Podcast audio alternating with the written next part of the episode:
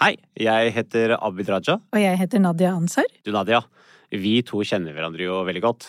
Vi har jo faktisk vært gift i over 20 år. Og det er først nå vi har funnet ut at vi skal lage podkast sammen. Og den skal handle om følelser. Ja, og hvorfor akkurat om det? Lurer du faktisk på det, Abid? Nei, du, egentlig ikke.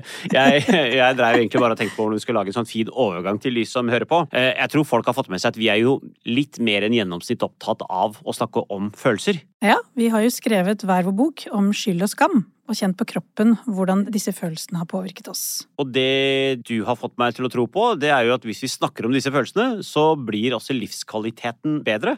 Det har jo jeg kjent på sjøl, skrevet om i boka, og jeg kan bevitne på at det har også gjort at forholdet vårt faktisk har eh, blitt bedre. Derfor skal vi invitere forskjellige mennesker som vi er nysgjerrige på, til å komme hit og snakke åpent om følelsene sine. Målet er jo, og håpet er jo at både gjesten og vi, og kanskje også de som hører på, at vi skal sammen bli flinkere til å både gjenkjenne og håndtere både egne og andres følelser. Ja, rett og slett gjøre både Norge og verden til et mer følelsesvennlig sted.